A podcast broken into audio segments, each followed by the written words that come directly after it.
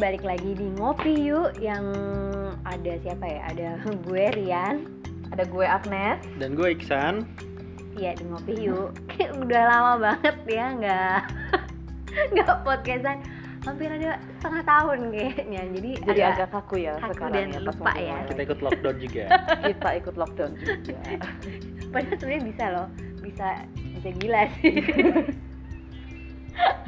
Mau mencoba untuk tetap podcastan jarak jauh Mm-mm. tapi eh, nggak paham teknologi. iya itulah kendala. cuma Terkendala. kayak Kendala. terkendala. Akhirnya baru bisa sekarang lagi kembali lagi. Oke, nah kali ini nih eh, kita punya topik. Sebenarnya banyak topik yang tadinya mau kita bahas, cuma eh, karena terkendala ya agen-agen pandemi. Termasuk kan tadi kita mau ngomongin masalah corona juga ya, Mm-mm. kapan itu. Cuman ya udahlah ya, kayak udah banyak juga yang ngomongin corona. Mm-mm. Kan kita harus hidup normal terbiasa dengan corona ya. Iya, Ya, jadi kayak harus bersahabat. kan harus terbiasa. Deal with corona. Berdamai. Iya, Berdamai, berdamai ya, dengan berdamai. hiduplah berdampingan dengan corona. Berdampingan. Berdampingan kok dengan corona. Baik. Nah, jadi kali ini eh, akhirnya dari banyak tema yang mungkin bisa diangkat juga, kita mengangkat yang agak lebih baru tentang eh, undang-undang penghapusan kekerasan seksual yang ternyata malah justru ditarik dari pembahasan di Prolegnas ya. Nah, Tahun ini di DPR. di DPR. Nah, mungkin bisa siapa yang menjelaskan terlebih dahulu? Mungkin Agnes Nes gimana Hmm, Nes? jadi, yang selama em, ini udah pernah ngikutin? Nah, jadi emang sih ya eh, RUU PKS ini penghapusan kekerasan seksualnya bukan fraksi PKS. Em, RUU PKS ini tuh emang udah lama banget di DPR itu progresnya itu mandek. Jadi sebenarnya dia udah diusulkan tuh udah lama, cuman sempet waktu zaman-zaman tahun 2018 sampai awal 2019 itu berhenti. Karena waktu itu memang DPR kan juga apa em, banyak si- lebih banyak sibuk dengan urusan kampanye pemilu dan lain sebagainya. Jadi banyak RUU yang memang akhirnya jalan di tempat termasuk juga RUU PKS ini gitu. Alasannya dulu itu. Nah lalu ketika akhirnya diresume lagi lebih banyak lagi alasannya untuk tidak melanjutkan RUU PKS adalah penolakan dari fraksi-fraksi. Meskipun sebenarnya penolakan dari fraksi-fraksinya itu juga nggak banyak-banyak banget gitu. At least ada dua fraksi utama lah yang menolak RUU PKS ini gitu. Eh, dari apa fraksi PKS sama fraksi PKS sendiri Iya, iya. menolak sama dari fraksi PAN gitu. Hmm.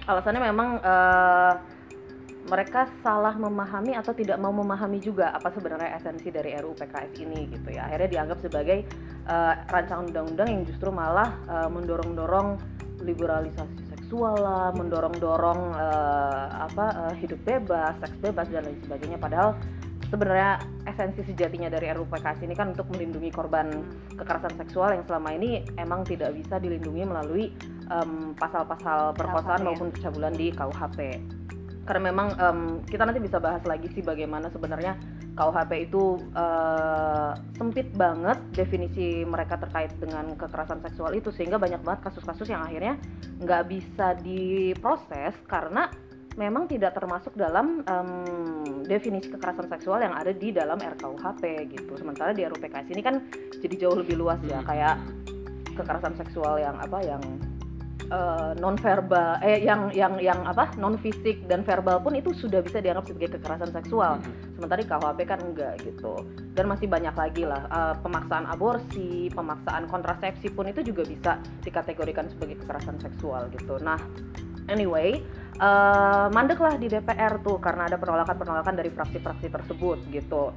Em, terus habis itu alasannya banyak lagi selain karena yang tadi itu yang lebih apa em, berkaitan dengan nilai-nilai yang dipegang oleh sejumlah partai di DPR juga berkaitan sama ada protes juga dari beberapa anggota DPR yang paling banyak gue dengar emang dari laki-laki yang protes bahwa oh undang-undang ini bisa memberi bisa jadi overkriminalisasi ke cowok-cowok gitu Hmm. karena apa yang selama ini mungkin dianggap mereka sebagai suatu tindakan yang sebenarnya biasa-biasa aja pun bisa dikategorikan sebagai keras apa pelecehan seksual catcalling terus kayak kasusnya baik Nuril itu Ya. juga bisa Hmm. dijerat eh, melalui RUU PKS gitu kalau misalnya RUU PKS-nya jadi disahkan gitu. Nah, jadi eh, pernah lah waktu itu ada beberapa anggota DPR yang eh, mengatakan wah ini nggak bisa nih kayak gini eh, RUU PKS ini bisa bikin eh, jadi overkriminalisasi bahaya juga nih buat kita kayak gitu gitu Hmm. dan komentar-komentar yang sangat lainnya.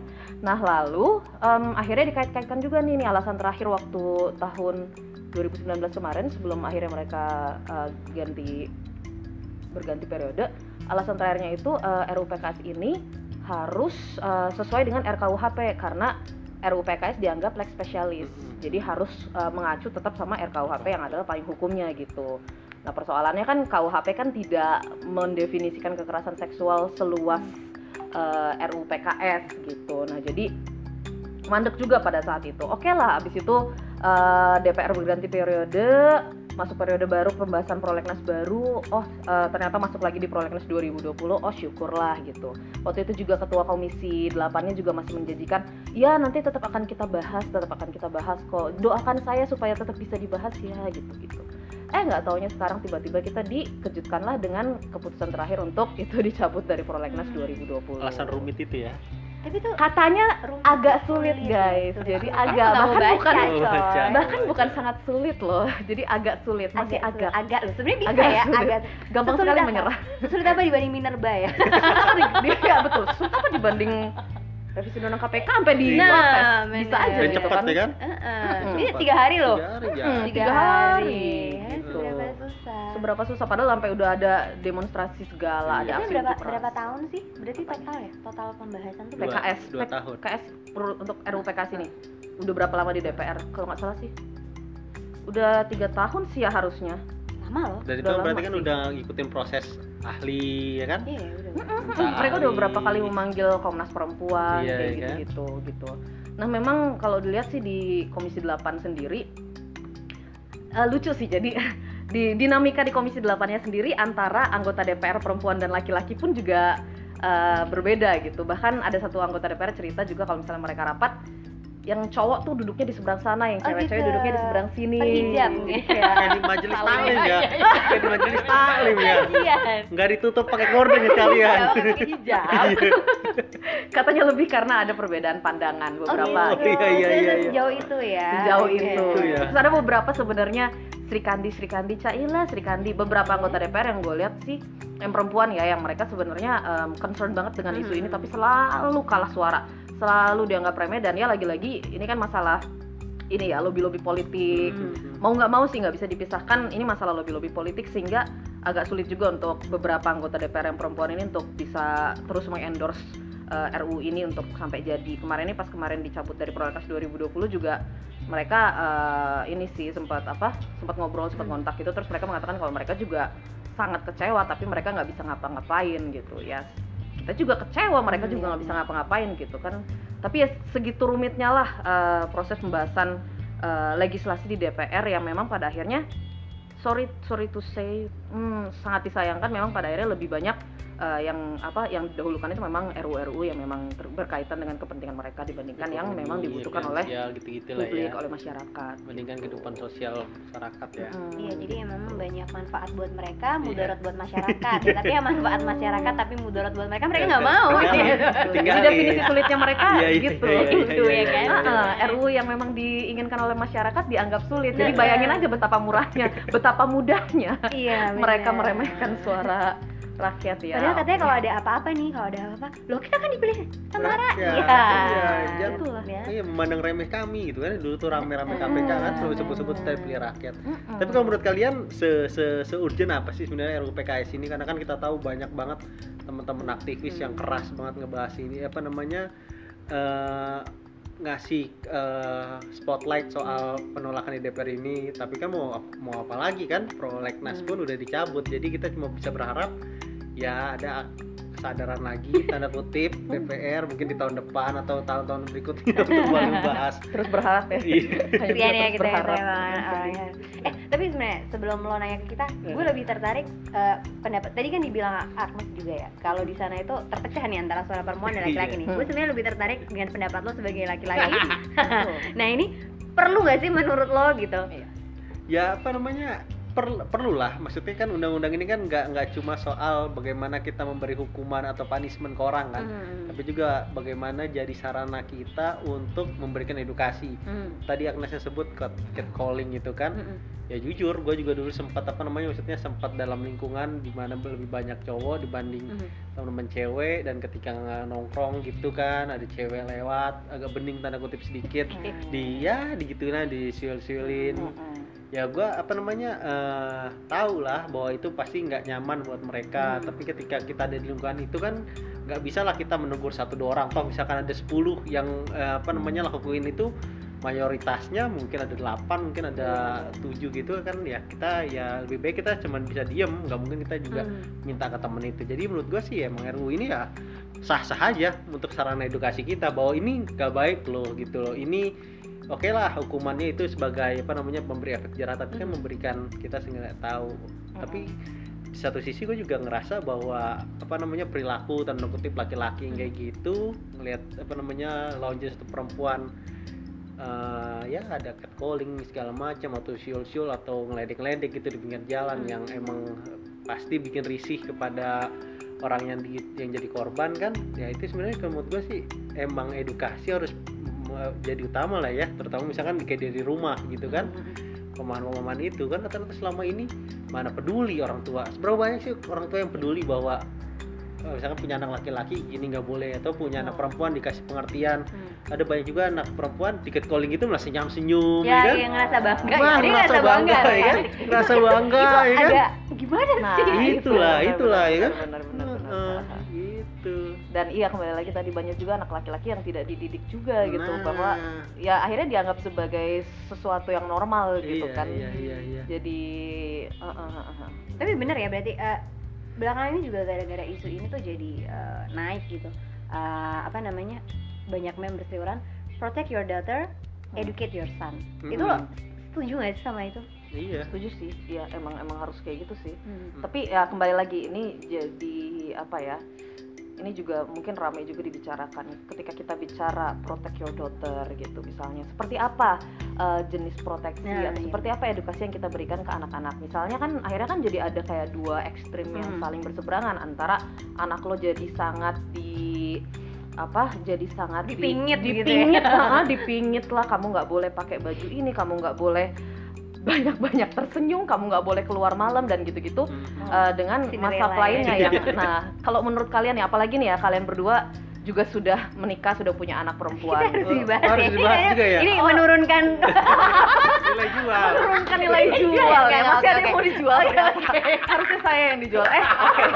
Baik. Eh, maksudnya kalian sebagai yang sudah punya anak perempuan juga gitu gimana? Eh, kalian sendiri mengedukasi anak perempuan kalian dan Ihsan juga kan? Ihsan juga punya anak laki-laki bahkan punya anak laki-laki dan anak perempuan. ya. how do ya. you educate your son while protecting your daughter gitu? Mungkin kalian juga bisa nge-share gitu. Siapa tahu juga ada yang denger orang tua muda gitu kan yang mau tahu juga gimana cara gimana gimana kalau anak laki-laki gimana mendidik anak laki-laki yang Misalnya, masih umur berapa sih sekarang masih tiga tahun ya masih tiga tahun sih emang sih cuman Iya, iya. oke lah kalaupun sekarang belum lo lakukan karena Iya, mungkin dia next, masih next. kecil Iya. banget ya masih belum paham pasti pasti punya konsep. rencana nih untuk tapi Iya. ke depan rencananya tapi seperti karena kebetulan syukurnya gue punya berpas- pasangan gitu kan cowok dan cewek ya gue mulai sekarang dengan apa namanya ya karena abangnya nih yang lebih tua kan kebetulan juga lebih tanda kutip lebih lebih apa ya lebih ideal lah menurut gue kenapa?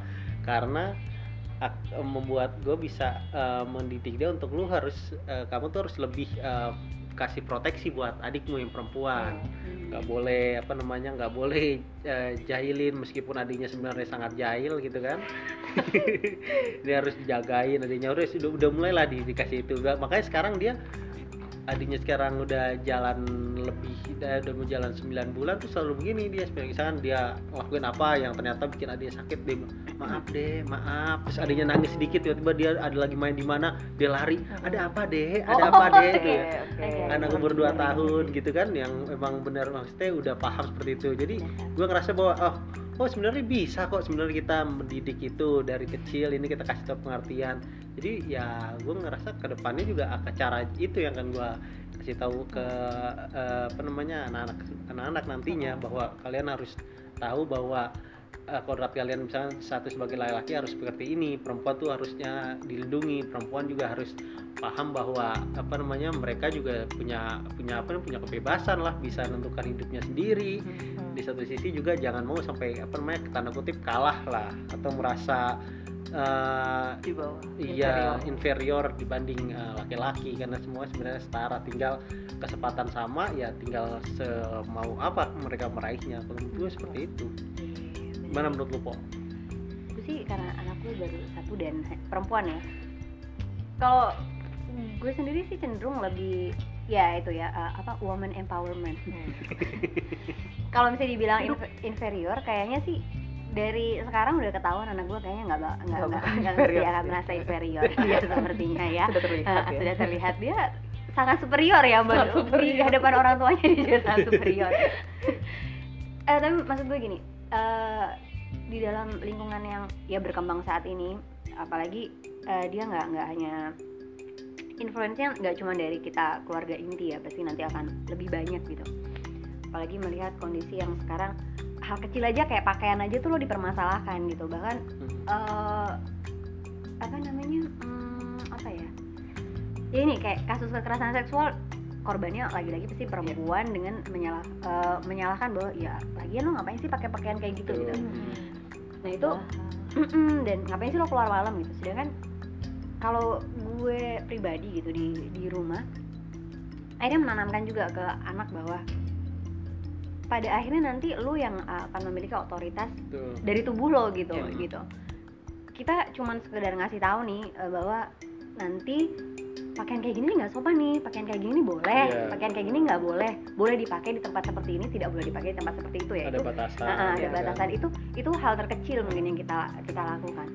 Tapi pada akhirnya saat nanti dia sudah bisa memilih dan mengetahui mengetahui gitu bahwa enggak ah gue mau kayak gini ya. Itu itu menurut gue hak dia karena itu kan tubuh dia ya kayak. Sekarang pun kayak udah hal kecil itu kita kita ajarin gitu misalnya. Dia boleh pilih baju sendiri mana yang mau dia pakai gitu kan misalnya dia mau keluar pakai baju yang mana. Kadang dia eh, aku mau pakai yang ini aja. Aku mau pakai jilbab deh keluar. Ah, oke gitu kan. Oke gitu. Atau kadang eh, aku pengen pakai celana pendek aja deh. Ya it's fine gitu kan. Selama itu tempatnya kita mau pergi sesuai ya nggak masalah gitu kan. Eh, kemudian hal-hal lain ya kayak misalnya ada ini ada obrolan. Sebenarnya aku juga agak eh, apa gue juga gini. Ini anak, anak umur 4 tahun kenapa tiba-tiba menanyakan hal seperti ini? Tiba-tiba dia nanya masalah tato. Hmm. Eh, mah aku boleh punya tato nggak? Oke Wow. lo 4 tahun gitu kan? Gitu. Ternyata ya efeknya dari nonton nonton YouTube segala macam. Nah di situ akhirnya kita mulai eh, ya dialog ringan lah ya bilang ya nggak masalah gitu. Karena kalau dari dari itu kan tergantung nilai-nilai keluarga juga ya. Betul. Hmm. dari nilai keluarga yang kita bangun sendiri di rumah bahwa ya it's okay tapi itu nanti ada waktunya gitu kan dan itu itu nanti menjadi otoritas lo kita nggak berhak juga ngarang kayak enggak lo nggak boleh tatoan karena itu apalah gitu. Enggak gitu. Karena paling kasih ke pengertian aja awalnya kan. Mm-mm, kita cuma kasih pengertian mendasar bahwa eh, pakai tato tuh gini loh pakai tato tuh Hmm. gitu loh gitu. Atau ada aturannya sebenarnya kalau secara agama seperti ini kalau yang Iya. secara ya ini kita balik lagi ke nilai-nilai yang dipegang oleh keluarga. Budaya seperti Gitu. ini gitu kan. Mm-mm, secara budaya seperti ini. Tapi pa- pada akhirnya kembali lagi gitu karena ya itu tubuh itu otor- otoritas dia gitu. Dan hal lain lagi yang belum lama ini juga gue ajarin tuh masalah eh, kayak dia harus melindungi diri dia sendiri Oh. gitu. Jadi eh, sekarang kan kekerasan seksual juga mengancam anak-anak kecil ya. Hmm, makin banyak anak-anak kecil bahkan diiming-imingi macam-macam mana itu dari sekarang banget aku udah mulai menerapkan sama dia bahwa kalau misalnya ada yang ngiming-ngimingi dia dengan mainan kayak atau permen atau apa ya dia harus bisa bisa memahami bahwa ini orang asing Hmm. kalau dia diiming-imingi sesuatu terus setelah diberikan terus dia harus pegang bagian-bagian tertentu yang tidak Ah. boleh ya dia dia harus bilang enggak gitu Iya, iya, iya. dia harus bilang enggak gitu itu itu uh, udah diterapin banget diterapin banget sama dia dan, dan dia untungnya cepat menyerap dan cepat paham aku ya. menyaksikannya sendiri. Iya. ketika dikuis oleh ibunya Iya. saya melihat sendiri langsung anaknya nggak boleh. Kalau yang bagian sini boleh nggak? Nggak boleh. Oh, oke berarti emang benar-benar menyerap pelajaran-pelajaran itu. Jadi emang bener dia walaupun nanti kalau misalnya dia udah dewasa dan dia mau melakukan itu ya itu di luar di luar otoritas kita sebagai orang tua ya. Tapi kita saat ini kita udah memberikan memberikan pengertian bahwa seharusnya seperti itu gitu. Nah ya ini kan sebenarnya nyambung juga ke pendidikan seksual ya Betul, betapa minimnya pendidikan Hmm. seksual di Mm, dan Apa? masih tabu dan Nggak masih tabu. minim, tapi lebih coba kayak oke lah kita semua udah gede juga di sini gitu kan Mm. kalian belajar pendidikan seksual yang bener-bener pak bisa bener-bener paham tentang seksualitas tentang pendidikan seksual gitu itu kapan sih sebenarnya kalau gue sendiri ya jujur aja gue akhirnya lebih banyak belajar sendiri karena yang dipelajari di sekolah dulu kan biologi basic Hmm, biology hmm, kan hmm, hmm, hmm. cuman soal bagaimana proses reproduksi dan lain sebagainya Iya, iya. tapi akhirnya semuanya ya akhirnya eh, dipahami sendiri melalui ya akhirnya belajar sendiri gitu orang tua gue juga praktek sendiri nggak ya ah, itu pembahasan lain ya. lagi ya ibu agak keluar jalur Oke, oke. orang tua gue juga nggak terlalu Hmm. banyak menyentuh topik tersebut gitu akhirnya ya pada akhirnya belajar sendiri gitu untungnya memang dari orang tua meskipun nggak detail ke topik itu tapi udah diberikan rambu-rambu dan segala Hmm. macamnya untuk apa tetap bisa menjaga diri lah eh, begitu udah besar gitu tapi akhirnya ya mau nggak mau belajar sendiri gitu Hmm. padahal kan betapa berbahayanya anak dilepas untuk belajar mencari tahu sendiri Yap. juga kalau misalnya juga tidak ada rambu-rambu tidak ada yang memberikan guidance pemahaman yang ya gitulah yang sebenarnya sebaiknya seperti apa Ya, tapi itu iya bener sih gue itu uh, Lu gimana? sama orang tua gue ya gue di dikasih tahu nih bahwa uh, bagian itu nggak boleh dipegang loh bagian itu nggak boleh Hmm. dipegang loh. Ini uh, itu setelah uh, gue menstruasi. Ah setelah udah gede ya? Iya. Which is SMP ya? Iya, iya, iya. Mm. jadi saat uh, di bawah itu tuh gue nggak paham gitu nggak paham gitu kan.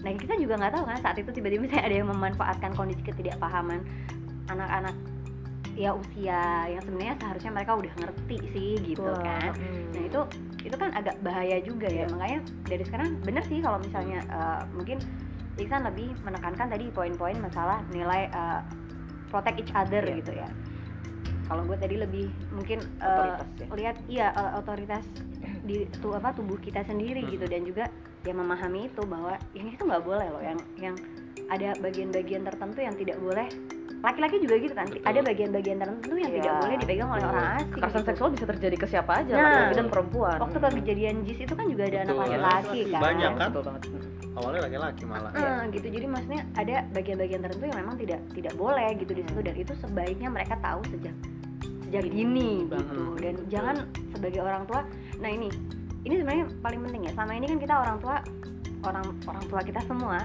pasti dulu nggak pernah tuh mau ngomong eh, tentang vagina Oh, atau enggak. eh, penis pasti nyebutnya itu burung atau Iya. eh, apa namanya apa ya ngomongnya kalau enggak sih di keluarga gua gitu. di keluarga gua agak lebih eksplisit ya? penggunaan diksi ya masalah Hmm. penggunaan diksi langsung gitu nah itu meskipun bukan pakai term vagina Oke. term lain yang lebih informal nah itu itu sebenarnya eh, ada baiknya juga sih mungkin saat mereka sudah TK mungkin ya TK udah udah mengerti lah ya pemilihan kata-kata itu ya nggak usah ditutupin lah atau emang Iya. namanya itu gitu Iya, kenapa iya. sih Iya, iya, gitu iya, ya itu kan iya. sebagai bentuk pendidikan seksual juga kan Hmm. saat kita menganggap itu sebagai sesuatu yang tabu untuk disebutkan ya pada akhirnya kan malah jadi eh, eh, jadi bumerang sendiri Iya, juga iya, gitu. Benar sih ya. Karena gue dulu juga SD, SD akhir SMP itu kan ya sering karena banyak tahu di lingkungan akhirnya ya itu ngobrol dengan apa namanya nyokap. Dan mungkin karena dulu nyokap basicnya anak STM dan juga Oke.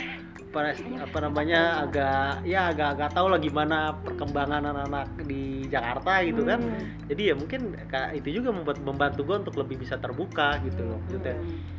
Eh, ya apa namanya karena mungkin nyokap dulu tahu bahwa di lingkungannya laki-laki semua terus Mhm. gimana cara beliau memproteksi diri ya itu juga membantu ya itu tadi makanya kenapa gue tekanin di eh, keluarga itu ya itu tadi kan Mm-mm. kita semua ngerasain bahwa bagaimana apa namanya krusialnya peran keluarga orang tua kita dulu untuk bisa gimana mendidik kita bisa ngasih tahu dan juga akhirnya concern juga ketika ada masalah ini kita sekarang gitu kan Iya. ketika banyak teman-teman kita "Ini apaan sih kok gini-ginian aja orang masalahin? Hmm. gitu kan. Atau ada ketika anggota DPR bilang oh ini akan bikin overkriminalisasi. Mereka Ya, setuju-setuju iya, iya, aja iya, gitu iya, kan.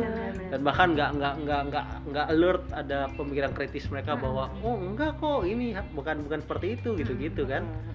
itu loh Mbak. jadi emang bener-bener dari begitu juga kan eh, di DPR kan banyak kan orang tua juga itu yang ngomong nah gitu iya kan itu maksud betul. gue Hmm. gimana itu yang ngomong soal masalah overkriminalisasi itu juga emang kebetulan ya orang tua orang tua gitu dan bukan dari fraksi-fraksi yang tadi gue bilang yang menolak yang memang Hmm. mereka nilai-nilainya Nah. itu konservatif gitu ya Heeh. ini emang dari uh, partai partai Nasionalis iya partai nasionalis juga Ini tuh sebenarnya saya gue kira akan berpandangan berbeda ternyata Nah, sama saja iya, jadi ini bukan ya. masalah nilai-nilai ideologi nilai-nilai agama aja gitu ya. tapi nilai-nilai diri mereka Nilai kayaknya. diri. mereka ya gitu. pahaman diri mereka Iya, kayaknya sebenarnya begitu. mungkin jangan-jangan mereka Kayak juga ada yang pelaku mungkin. Iya, heeh. itu loh maksud gue. Tuh, edukasi aja belum edukasinya aja belum tembus sampai ke anggota DPR yang Nah, udah tua yang udah betul. setengah abad cuy hidup Iya, gitu hidupnya kan. apalagi ke yang anak-anak muda Nah. anak kecil gitu apalagi sekarang kan kayak kita lihat kan kasus kasus-kasus pelecehan seksual ke Ya. kecil kan jadi Marak, marak Betul, ya dan juga pelakunya yang orang-orang yang tanda kutip selama ini dianggap sebagai pelindung kan yes Ayahnya, pastor pastor. ayah itu yang apa yang baru apa pelindungan perempuan dan Iya, anak iya, PT iya, iya, PA, Timur ya, itu yang kan. di Lampung Uh, uh, itu kan gila juga berarti Hmm, kan Iya, dan anak-anak kan juga pasti akan takut juga ya ketika itu terjadi kepada kepada mereka. Hmm. Gini, seharusnya anak-anak bisa tahu gitu loh kalau ini nggak nyaman, ini kayaknya salah gitu. Tapi apakah mereka mau speak up Nah, gitu? iya. Apakah Nah, iya, mereka itu. mau ngomong gitu? apalagi di rata-rata anak-anaknya jadi korban tuh yang kayak contohnya kayak di pastor itu di mana tadi di, Di Depok. Depok atau sama yang di Lampung Timur itu kan yang Mm-mm. perlindungan anak itu kan mereka kan udah ngerasa bahwa mereka apa ya termajinalkan kan Mm-mm. status Iya, mereka iya, sebagai korban kan Iya. akhirnya betul. mereka tanda kutip ditaruh di sana ya diasingkan diasingkan satu diasingkan dari keluarga dua diasingkan dari lingkungannya gitu kan Mm-mm. Eh malah kena. ditambah seperti itu ya otomatis akan Hmm. sulit juga mereka mau speak up kan Iya. Kalau misalnya kayak gitu terus ya gimana? nah itulah ya kan Mm-mm. Namanya tuh menurut gue ya itu penting gitu edukasi dan urgensi dari Urgensi si RUU. undang-undang RUU ini, ini. gitu ya karena Iya, kemarin iya. gue baca draftnya juga ya ini emang bener nih emang harusnya kayak gini gitu jadi bisa menjamin perlindungan betul ke para korban itu Uh-uh. gitu kan Mm-mm. iya karena mereka tuh udah beban beban mentalnya tuh berlapis Betul. gitu Iya, mm-mm. apalagi sekarang ini kalau misalnya eh, kalau misalnya ada yang misalnya mengaku dilecehkan secara seksual malah ujung-ujungnya malah jadi diintimidasi. Nah, kayak. Ba- Dianggap Baik Nuril kan? kayak baik Nuril. malah justru dia Lah, malah dikriminalisasi dia yang iya dikriminalisasi. kan? betul kan? Heeh. Dan masih banyak kasus lain kayak yang series Netflix terbaru juga ya. Apa judulnya? Jeffrey. eh, kok series sih? Unbelievable. unbelievable ya iya. unbelievable iya itu Ah, series series Akhirnya malah jadi ditekan kan, Betul, malah kan? jadi iya di- iya iya malah jadi mengalami Iya. tekanan gitu loh. itu kan potret di Amerika sana di Indonesia juga ada seperti itu. Di negara lain pasti kan Hmm, banyak kan? gitu, iya. itu cuma contoh potret cuma satu orang. Mungkin jutaan orang yang seperti ngerasain kayak gitu. Tapi kerasa nggak sih di Indonesia itu memang sempat ada, eh bukan ada ya, memang tiap ada pelaporan seperti itu gitu, pasti yang si orang pelakunya ini nih akan melaporkan balik dengan tuduhan pencemaran nama baik gitu. Iya. itu itu Itulah. Heeh. Heeh. gitu. Sedangkan kalau Gitu. eh, lewat RUU nanti, kalau misalnya itu disahkan RUU yang harusnya dibahas ini kan di situ jelas tuh korban yang memberikan pelaporan dia tidak bisa dituntut balik Betul. gitu loh. Betul. Padahal kan harus itu poin penting Iya, sih. iya gitu. itu poin penting perlindungan pada korbannya di situ kan Hmm, dan itu selama ini nggak didapat di Nah, KUHP, di Nah, Undang-Undang. ITE dan gitu. pelaku kan selama ini jadi tamengnya mereka tanda kutip ya itu tadi pencemaran nama baik Mm-mm. ya kan Betul. betul. apalagi kalau udah pelakunya kayak kemarin lebih superior ya di. Baik Nah, Nuril kan ada dia- relasi Betul. kuasa. Oh, oh, Ada iya. relasi kuasa, Susah. susah. banget gitu Iya iya iya. iya. gitu jadi emang sebenarnya penting makanya tuh agak mengherankan saat kemudian dibilang uh, rumit ya padahal itu kayak kasusnya sudah Sulit. banyak contohnya sudah banyak dan lo tinggal jembrengin nih lo he gitu. Iya. Gitu. Ini kayak udah ini harusnya RUU yang paling gampang dibahas karena data-datanya ada. Literatur banyak. argumentasinya jelas, Banyak. literatur banyak. buka gitu. Google tinggal cari ada Iya. atau misalkan Iya. gini lah paling kalau mau apa namanya agak-agak kerja dikit panggil aja polisi setiap polsek atau setiap polres Hmm. kan ada perlindungan perempuan dan anak suruh data berapa banyak laporan nah, atau komnas ada. perempuan juga Betul, punya. Dan data-data itu tuh bukan yang kayak sulit lo harus nyari sampai kayak harus mohon-mohon tolong dong dibuka datanya. Enggak, Anjir, enggak, orang dengan- ada. Googling saja dari segala macam sumber pun Komnas- sudah Komnas ada. perempuan kontak Iya, Mabes. Polri itu ada semua Mabes Polri itu seharusnya ada gitu. Jadi ya memang agak sulit di sini ya lagi-lagi political ya. will Political will. Balik lagi lah Balik semua. lagi ke political will gitu. iya Nah, gue sempet nanya sih, kenapa kok di kok di apa eh, kok dicabut sih dari prolegnas 2020? Kan udah nggak ada waktu gitu. udah nggak ada waktu lagi kita sebentar Iya lagi sih? Nggak ada waktu oke Iya, sebentar lagi kita akan berganti tahun. dan katanya. fokus pilkada kali ya sebentar lagi fokus Nah, itu pilkada juga mungkin kan gara-gara fokus Oke. pilkada jadi memang sangat ya udahlah Ah, gitu kan akhirnya kan kembali lagi kan mikirin bagaimana mereka mencitrakan Mereka diri ya. ya. kayak minerba Iya. itu penting minerba Minerba itu penting cepet udah beres kan Minerba cepet loh Minerba udah beres tuh dan itu di tengah-tengah pandemi gini Iya. loh iya ini sekarang omnibus law juga Iya, lanjut Omnibus hajar Law lagi. terus Iya. slow lagi kan yang lebih rumit sebenarnya kan Hmm. iya padahal lebih rumit Itu lebih rumit loh. lebih rumit Itu sangat rumit. Banyak sekian banyak pasal Iya, iya Iya. itu rumit, itu rumit banget. Kalau mau sekian banyak menjadikan satu undang-undang ya, Banyak mau lu jadiin satu sekian ya. banyak Benar, kementerian lembaga yang harus diajak koordinasi nah ini kementerian lembaga yang diajak koordinasi cuma dikit Iya dan itu udah udah jelas. Dan maksud gue menurut gue ya saat gue baca draftnya itu menurut gue tidak akan banyak revisi sih. iya. Menurut gue ya kan udah oke sebenarnya. Udah oke, secara udah umum oke. udah oke. Mm-mm. Iya. dan secara tujuannya udah dapat gitu walaupun terus ada yang melintir bahwa itu berkaitan dengan zina. Gue nggak ngerti zinanya di bagian mana di bagian sih. mana ya zinanya ya? Gitu loh gue nggak paham. Bahkan ada yang Hmm. bilang gini "Eh, jadi ada di pasal berapa ya itu? Pasal 5 ayat 2 kalau nggak salah. Jadi itu masalah eh, pendidikan itu Hmm, pendidikan hmm, tadi ya hmm, pendidikan tentang kekerasan seksual. Iya memang di situ tidak disebutkan keluarga sih gitu. Jadi kayak eh, toko sekolah apa segala macam gitu kan untuk memberikan pendidikan tentang kekerasan seksual dan pendidikan seksual gitu kan. Terus dia bilang eh, termasuk kayak ya memberikan otoritas kepada mereka kayak tadi gue bilang memberikan otoritas kepada mereka eh, atas hak tubuh mereka sendiri kan. Terus tiba-tiba eh, ada satu politisi yang bilang loh pasal itu justru me- me- satu melegalkan zina dan eh, membuat anak-anak melawan orang tua. Gue gak paham di mana melawan orang tuanya gitu kan. Karena menurut dia dengan anak-anak punya otoritas atas tubuhnya sendiri nanti kalau orang tua ngasih tahu mereka nggak akan nurut. Gue bilang come on it's a joke. Gitu anak lu juga Eh, manusia. eh, enggak, enggak. Masa, masa ada kemungkinan nanti misalkan otoritas anak gitu ya orang tanya terus orang anak mama ini apa? Ditunjuk misalkan alat kelaminnya.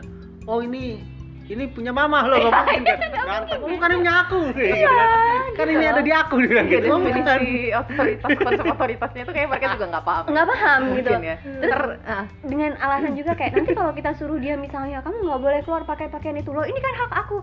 Itu kan sudah melawan. Terus pas gue ya ampun lo enggak lagi lagian gini deh. Mau ada RUU mau enggak ya juga tetap akan melawan gitu iya loh. gitu loh kayak lu lu kira anak lu akan jadi patuh dengan adanya undang-undang Iya. anak juga bodo amat sama undang-undang iya anak-anak itu juga zaman gua ngerti remaja gitu ngelawan ya. orang tua gua nggak mikir ada undang-undang Iya, iya. apa yang kira-kira membatasi atau membuka lowong eh, hak-hak gua gitu iya gimana mana teenager tuh emang selalu kayak gitu ya maksudnya Iya. itu udah udah udah fitrahnya mereka dan tuh kayak emang gitu, masanya gitu loh. seperti itu gitu iya kan masanya menggugat segala hal kan Iya. gitu ini makanya bilang ini politisi gimana ini yang jadi anak kesian sih Iya, gue gue bilang aku nggak mau jadi anak dia. Iya. Untung aku bukan anak dia. Gitu maksudnya kan pasti anaknya itu juga belajar kan di Iya. sekolah atau ada lingkungan yang lain nah itu menurut gue dan, dan maksud gue pendidikan pendidikan seksual atau kekerasan seksual eh, di rumah itu lo nggak perlu diatur di undang-undang juga lo sebagai orang tua Hmm. seharusnya sudah memahami itu Memahami, memang harus diberikan kepada anak kan. Iya. Kenapa yang diatur di undang-undang? Hanya sekolah atau mungkin lembaga-lembaga pendidikan yang lain? Karena selama ini tidak ada kurikulum. Nah itu mungkin bisa Betul. menjadi landasan untuk nanti mungkin guidance nanti orang tua di rumah Heeh, gitu dan kan. aturan-aturan di bawahnya nanti yang bisa mengatur bahwa nanti ada kurikulum tentang khusus tentang itu atau gitu. Iya karena iya karena kan tantangan ke depan makin banyak kan lu lihat sekarang kan video-video meme prank gitu-gitu Ah, iya, itu kan makin bahaya tuh. Benar-benar benar apalagi kalau udah berkaitan sama lawan jenis segala macam jangan lawan jenis sesama sesama jenis saja misalnya kayak laki-laki ke laki-laki perempuan ke perempuan itu kan Iya betul. Dan bahaya masalah banget kan? masalah hubungan seksual, masalah kekerasan seksual, pelecehan seksual itu kan nggak sesederhana yang dikira cuman kayak gitu aja gitu. Maksudnya kayak Hmm. masalah konsen aja itu pun rumit gitu. Misalnya orang di awal mengatakan iya, lalu di akhir di tengah-tengah jadi tidak ingin, itu kan tetap tidak ada konsen gitu misalnya. Iya, Cuman orang-orang kan selalu mengatakan di awal mau, lah lu mau, lah lu sendiri ngebir sama gua, lah lu sendiri kayak gitu-gitu loh Mm-mm. itu kan sesuatu yang juga harus diajarin ke anak-anak ke publik juga ya gitu Mm-mm. bahwa ya no means no gitu dan Iya. Meskipun kadang ya katakanlah orang juga banyak yang nggak bisa mengatakan tidak kan Betul. ketika sudah eh, jadi eh, apa ya tidak se tidak sesederhana dan tidak ya tidak Mm, mm, mm. Iya, tidak iya. sesederhana itu gitu loh ketika membicarakan tentang konsen orang yang eh, misalnya mahasiswa gitu terus habis itu jadi korban pelecehan seksual Dosennya dosennya, gitu ya, kan gitu. nggak karena di bawah tekanan. Kalau kamu nggak mau nanti nilainya eh, jelek loh nggak lulus ya kan? nilainya nggak nah itu kan ada tekanan juga di situ. Akhirnya mau meskipun dia tidak mau tapi Iya, akhirnya dia iya. menjalankan karena tertekan gitu nah Nah, ini kan banyak layernya ya banyak lapisnya yang itu nggak Betul. bisa dijelaskan dengan Betul. mudah hanya melalui lagi-lagi Iya, undang-undang KUHP Iya, gitu apalagi Siap- ketika masa persoalan kayak gitu masuk ke dalam ranah hukum Yes. dan gak ada landasan hukum kayak sekarang Nah, Iya. ya ma- ma- pasti penegak hukum main entengnya aja gitu kan Mm-mm. Dan- karena proses pembuktian di KUHP juga menurut gua agak rumit Nah. ya Mm-mm. agak rumit gitu karena harus ya itu kayak ada dua alat bukti kan Betul. biasanya kan Heeh. sedangkan sekarang terus harus ada saksi Betul. sekarang gimana sih orang gimana caranya? pemerkosaan atau Iya. ya saksi lu ngajak kita eh nontonin Saksi gue place gitu. Iya, mungkin gitu loh maksud gue Iya. sedangkan di RUU PKS ini justru malah memang ada beberapa poin-poin yang harus dipenuhi gitu ya kalau eh, ingin melaporkan ini dan mm, memproses ini secara hukum tapi itu tidak harus terpenuhi semua gitu kayak Betul. cukup sekali aja cukup satu visum aja misalnya Iya, sudah betul. cukup gitu betul Heeh. nah itu kan sebenarnya lebih memudahkan buat Betul, korban secara juga medis kan, kan. itu bener lah iya mbak ini saksi. Wah ribet banget tak panjang lah urusannya lah itu. Iya. Heeh, cari saksi siapa? Genteng rumah Iya, bangku makanya. kursi lampu gitu kan. Nah pak lampu apakah benar melakukan itu di sini? Itu bisa tanya. Lampunya bisa ngomong hakim, kan iya gitu katanya iya. Kan mama Iya. di penjara itu gue aduh gimana ya eh, hal-hal yang Iya. sebenarnya mu- mudah gitu. Sebenarnya pembahasan RUU ini nggak serumit yang lain gitu Betul. sebenarnya dibilang dan rumit. dan juga sebenarnya apa namanya em, masa apa apa istilahnya problemnya di kehidupan sosial kita ya nyata gitu kan dibanding minerba.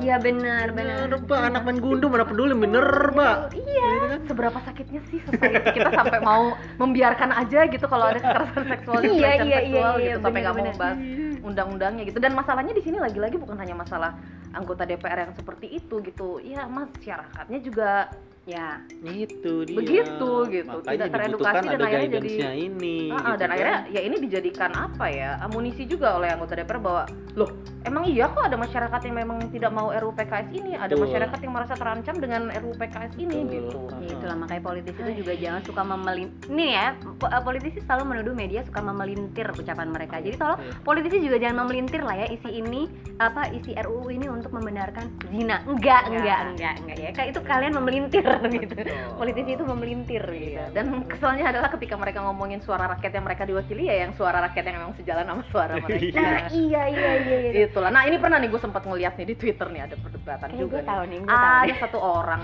ada satu orang bilang eh, ya kalian nggak bisa langsung main asal menyalahkan anggota DPR Hmm. soal RUU PKS ini gitu.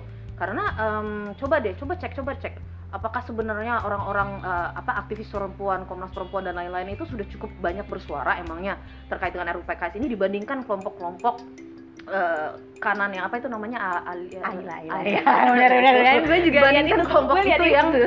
eh, yang juga menyuarakan pendapatnya terus gue kayak wah ini orang juga berarti nggak baca berita gitu. Iya, dan iya, iya. berarti memang cherry picking dalam mengakses informasi benar, gitu. karena ya elah kurang apa lagi sih? Komnas Perempuan beberapa kali sih? Coba eh, eh, audiensi ke DPR Eh, anggota DPR yang perempuan sendiri yang tadi gue bilang strik beberapa orang-orang yang memang mereka juga Concern ya. memperjuangkan concern dengan isu ini juga berapa kali sih mereka debat mati-matian Hmm. melawan anggota-anggota lain yang memang kebanyakan laki-laki juga itu dan waktu itu bahkan sempat ada eh, Jakarta Post juga sempat bikin liputannya Eh, juga apa eh, sempat ada apa bahkan korban-korban perempuan itu sampai mengirimkan rang, apa eh, rangkaian bunga juga gitu ke DPR gitu loh maksudnya lo udah dikasih rangkaian bunga yang berisi aspirasi udah dikasih argumentasi juga tetap nggak mendengarkan itu apalagi kalau misalnya emang nggak peduli aja Iya. gitu kan ya emang karena juga eh, menurut gue politisi juga cherry picking juga sih Betul. nah itu Nah, selama sesuai sama ya itu tadi kepentingan mereka Iya. dan nilai-nilai yang menurut mereka ya gitu. kepentingan dalam kepentingan finansial nih undang-undang ini apa sih kepentingan finansial kan? Ya, ada. ada.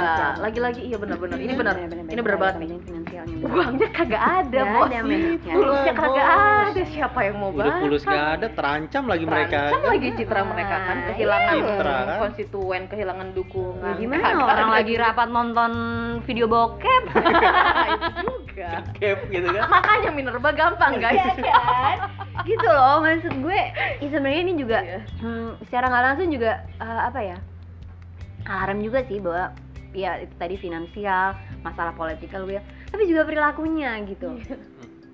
coba deh sekarang kalau lo lihat penangkapan penangkapan kasus korupsi pasti si eh, ini agak jadi melebar ya para politisi ini eh, pasti punya punya simpanan lain Ah. gitu. Ya walaupun gue tidak menyalahkan perempuannya juga ya tidak mendiskreditkan si perempuan. Cuman maksud gue mereka punya kecenderungan untuk itu gitu loh para politisi-politisi Hmm. laki-laki yang pada akhirnya menolak keberadaan RUU PKS ini. Karena mereka khawatir mereka juga akan dapat terjerat Betul, gitu mereka tadi, tidak kan. bisa mereka tidak bisa seenak. Udah seenak Iya. hati lagi.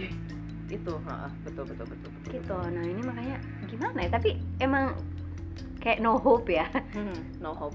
Katanya sih katanya ini ya bakal apa dilanjutin lah di prolegnas 2021 tapi ya gimana ya gue udah cenderung apatis juga kalau misalnya masuk pun ke prolegnas 2021 ujung-ujungnya juga nggak bakal dibahas. Iya. Tapi sebenarnya gimana ya cara efek gue sebenarnya hopeless juga sih kalau DPR cara efektif untuk membahas gimana? Ya iya. Iya ini lagi ini satu lagi nih. Agak sorry ya jadinya juga harus menyerang personal ketua DPR kita kan sekarang perempuan ya. Iya. Sebenarnya ada harapan bahwa dia bisa mengendorse benar RUU benar ini, benar benar gitu. Si- siapa tahu ada political will yang lebih. Eh enggak juga ya. Enggak juga gitu. Bahkan waktu itu sempat eh, gua sama teman-teman sempat nanya langsung pas dia baru jadi ketua DPR di awal-awal bu gimana nih bu? Ibu kan eh, eh mbak katanya dipanggilnya mbak dia. Eh, mbak mbak mbak kan eh, sekarang kan jadi ketua DPR pertama perempuan gitu mengikuti jejak ibunya sebagai presiden pertama itu kira-kira akan meng, meng ini enggak sih? Akan memastikan nggak sih RUU PKS eh, buat dibahas dan diselesaikan di periodenya mbak gitu? Eh dia sendiri yang bilang bahwa ya eh, apa untuk sementara ini memang tidak bisa untuk dibahas dulu. Itu pas awal-awal gitu. Sementara ini memang sulit untuk dibahas. Jadi kayak dia aja nggak ada political will dia Iya. dan dia perempuan gitu. Gimana ya? Hmm. maksudnya ketika bicara hopeless mengenai isu ini ya nggak tahu ya gimana ya nggak Ya bisa udah. bergantung pada DPR fokusnya terstruktur sistematik Iya. dan masif Iya. ya kan brutal ini Brutal. Tahu Ya, tapi ya emang kudu terus diingetin sih kudu terus marah kudu terus di Iya, kritisi iya, terus iya, gitu Iya. bukan hopeless dan kita diam aja nggak kan gitu kan tapi ya ya ini juga efek dari ya apa ya maksudnya residu ya elah residu kayak sisa-sisa juga dari isu politik identitas yang dibawa Mm-mm. sebelum-sebelumnya tuh sampai sekarang tuh masih ngaruh gitu. Jadi Betul. akhirnya hal kayak gini juga lagi-lagi dibawa ke sentimen agama kan? Betul. gitu iya Maksud gue kayak sebenarnya semua agama sebenarnya ajarannya sama adalah memuliakan sesama Perempuan. manusia dan perempuan gitu loh. Ya kan? Betul. Nah gue bilang belajar agama di mana sih? lagi agama di mana sih? Di- gitu kalau agama mereka pas sholat doang Iya, sholat iya, iya. zakat Gitu kan sama poligami lepas itu nggak masuk iya ya eh, begitu udah soal poligami seneng banget lah iya ya waduh Oh, antri papi, gitu ya. itu kan ikut ikut sangat iya. diresapi dan sangat dipahami tentang kesetaraan Ikut mereka kajian, bolos semuanya iya. ya pas kesetaraan ketiduran ya Iya, pas belajar tarikh gitu kan sejarah gitu kan gimana Mm-mm. dulu Rasul me- Mm-mm. apa namanya mengagungkan perempuan Iya. Hmm. ya udah iya mm-mm. Ya lagi-lagi Nggak. memang nggak ikut pas perang baru masuk lagi Iya. wah seru nih perang gitu kan Iya iya iya bener. cherry picking ya Itu tuh dari dari zaman iya dan dari zaman dulu berarti Iya. kayak jangan dulu berarti Aduh. ya makanya ya itu deh akhirnya karena kita nggak ada harapan ya balik lagi kita bagaimana memperkuat inner circle kita dulu gitu Iya kan iya benar-benar balik ya, lagi ke ini. setidaknya sesama kita sesama kita Mm. Sa- anak mengedukasi Iya. anak sama kayak sekarang nih corona ya kan kita lihat orang di luar bodoh amat kita harus balik lagi harus Iya, melindungi iya, gimana keluarga benar. kita dulu lagi-lagi melindungi diri sendiri ya Hmm, nggak mau ya. Loh masyarakat kita ini sebenarnya mandiri loh. iya Mandiri banget, mandiri banget. gila. dibanding Harusnya negara, Finlandia iya. bandingin sama Finlandia sama Iya, Norwegia sama. Denmark gila kita Harusnya pemerintah tuh bangga Kalian harusnya bangga loh gitu kita tuh bisa menjaga diri kita sendiri ya dari ketidakadilan ini. Itu tuh bisa gitu. Kita cuma minta disahin satu RU aja susah nggak banget. bisa gitu kan. Jadi kita tuh mandiri banget. Itu mandiri banget gitu. Makanya itu Mandiri banget tuh. itu lagi-lagi balik ya ke ya itu tadi kita menjaga keluarga kita dan membuat anak itu bisa nyaman dan percaya Iya. untuk bicara Nah. sama kita sebagai Nah. orang betul. orang yang terdekat gitu. Jadi kalau saat ada Iya. apa-apa mereka mau speak up gitu. Mm-mm. at least ke iya ke, ke kita kan ke Hmm. Orang tua atau ke kakak adik yang Iya. orang terdekat gitu itu bisa sangat membantu gitu gitu nas Iya. jangan dari ibu-ibu nih Oh iya terima kasih ya sebagai Oh, dan tapi saya ini juga nih ya. suatu hari nanti. orang tua juga harus perlu diedukasi Oh tentu. Jelas. saat misalnya anak itu mm, mem- ya ada kan orang tua yang mungkin anaknya udah mau speak up tapi ternyata mereka justru malah defensif gitu kayak kamu sih kalau ya, Iya, Iya. atau Iya. orang tuanya takut menghadapi kenyataan Nah. mau nggak mau denger kayak udah udah nggak apa-apa nggak usah ya, diceritain ya itu banyak juga kan beberapa Itu kasus banyak. kan iya terus aduh nanti malu nih keluarga apa gitu iya padahal tuh bukan kayak gitu nah gitu iya kan. heeh, nah itu itu masih banyak mispersepsi seperti itu juga Hmm, Mm. itu harus dibangun karena memang kayaknya negara memang tidak hadir ya dalam hal ini ini aja kayaknya maksudnya bersyukur juga sih sekarang isu-isu seperti ini semakin mendorong perempuan untuk speak up ya iya iya iya benar benar gue aja ngerasain gitu sebagai perempuan be- betapa sulitnya juga untuk speak up gitu maksudnya kayak kita pernah ngobrol ya pak Hmm. Iya, ya iya, iya, benar, bahwa apa em, masalah masalah pelecehan seksual dan eh, pelecehan seksual lah sexual harassment itu pasti dirasakan semua perempuan tidak terkecuali Betul. gitu. lu tanya deh semua perempuan segala macam pasti pernah mengalami pelecehan seksual bahkan Dari sesederhana sesederhana Iya, catcalling betul. gitu atau yang paling banyak grepe-grepe pakai motor langsung diceplak Ah, gitu iya gitu hal-hal sesederhana itu dan kita semua pernah, pernah ngerasain sebagai perempuan dan gue juga pernah ngerasain betapa sulitnya juga untuk mengungkapkan itu gitu Nah, untuk iya. nge-share itu akhirnya disimpan nangis sendiri Iya, kayak iya, gitu iya. gitu karena karena pada saat itu memang lingkungan juga tidak mendorong untuk ayo speak Mhm. up ayo ngomong gitu nah lagi-lagi jadi ya kembali lagi emang penting sih ya, penting, banget kayak kita Betul. tahu itu masalah kita tahu Betul. itu nggak bener tapi kan kita susah untuk ngomong itu harus sejak dini ya di, Hmm. apa diajarin ke anak-anak untuk berani untuk speak up. Apalagi kalau misalnya ya itu tadi balik lagi pelakunya adalah orang-orang yang sebenarnya superior gitu kan. Mm. nah. bener-bener deh jangan karena sekarang gini deh kayak di lingkungan kerja ada di lingkungan kerja gitu ya. Kayak di kantor mana-mana ya banyak ya. Kayak eh, bos lu mungkin yang eh, bercandanya seksis gitu kan atau bos lu yang mungkin tanpa sadar sebenarnya dia sudah melecehkan dari hanya sekedar Betul. melihat aja atau atau ya itu tadi bercandaan gitu atau mungkin dari aja sekedar ajakan misalnya "Eh, ngopi bareng yuk nana nana tapi sebenarnya lo nggak mau gitu tapi karena lo merasa dia lebih Iya. superior iya gitu lo dia jadi- bos Mm-mm. Dia nah itu gue. itu makanya eh, lingkup karyawannya juga harus Nah. kuat gitu ya jadi misalnya kalau saat ada kayak gitu lo bisa cerita ke sesama temen lo Iya. untuk backup lo juga gitu Betul. Ya, itu kan penting juga ya Mm-mm. karena sama ini kan orang-orang ya kayak tadi mahasiswa gitu juga dia nggak akan berani ngomong ke temannya gitu Mm-mm. ntar yang ada jadi gosip kan jadi bahan Iya, itu lagi jadi gosip. iya, Mm. gitu kan gitu si Anu kok mau sih kayak gini gini gini padahal bisa jadi dia emang nggak mau tapi karena tertekan Terpaksa, daripada dia nggak lulus atau gitu. segala macam kan. Iya. gitu jadi emang ya karena negara tidak hadir jadi kita harus lagi melindungi diri. melindungi diri kita sendiri. Hmm, poinnya seperti itu saudara Tuh. dan ya masih terus berharap aja kali ya. Masih terus berharap. Meski berulang kali di PHP ya siapa tahu nanti kita lihat tahun depan masuk prolegnas siapa tahu ada keajaiban terus tahun depan Ada lagi masuk lagi tahun depan lagi masuk periode depan lagi masuk Iya, periode ganti berikutnya presiden. masuk. Ganti Terus presiden ganti presiden. presidennya. ganti lagi ganti lagi terus saja. Ganti lagi sampai covid berulang kali ya. Iya. Ya kayaknya covid juga nggak membawa nggak bakal kelar ya kayaknya. Ya covid kayaknya juga nggak membawa kesadaran ya buat mereka Iya, ya betul. untuk bahwa mati itu begitu dekat loh pak. BTW ngomong-ngomong soal covid enggak sih? Sebenarnya tapi masih berkaitan juga. Maksudnya kayak kasus kekerasan dalam rumah tangga kan juga sebenarnya naik ya selama covid kan. Karena Bener.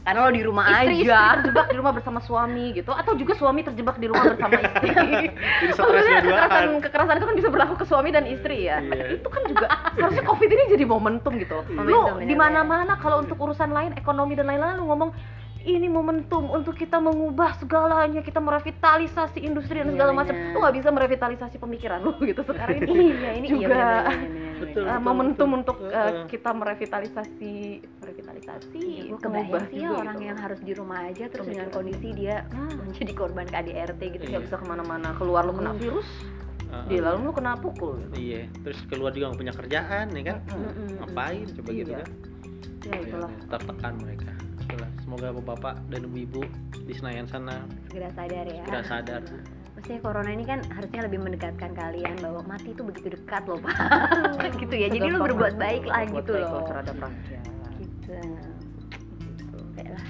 oke baiklah mungkin segitu kali ya Om. Yoi. Nah, episode kali ini segini itu aku kangen loh sama kalian. Aku juga loh. Iya. kita udah sudah lama kita tidak cocok kayak gini ya. Iya kita udah setengah tahun loh nggak ketemu sampai setengah tahun ya.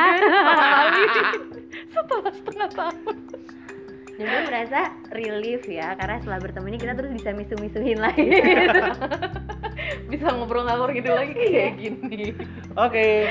Oke. Terima kasih udah dengerin kita lagi. ya semoga minggu depan kita bisa balik lagi ya Iya. Oke, dan lebih rutin. Yup. amin oke sip oke sip gue Rian gue Agnes Dan gue Iksan. stay di ngopi yuk Bye.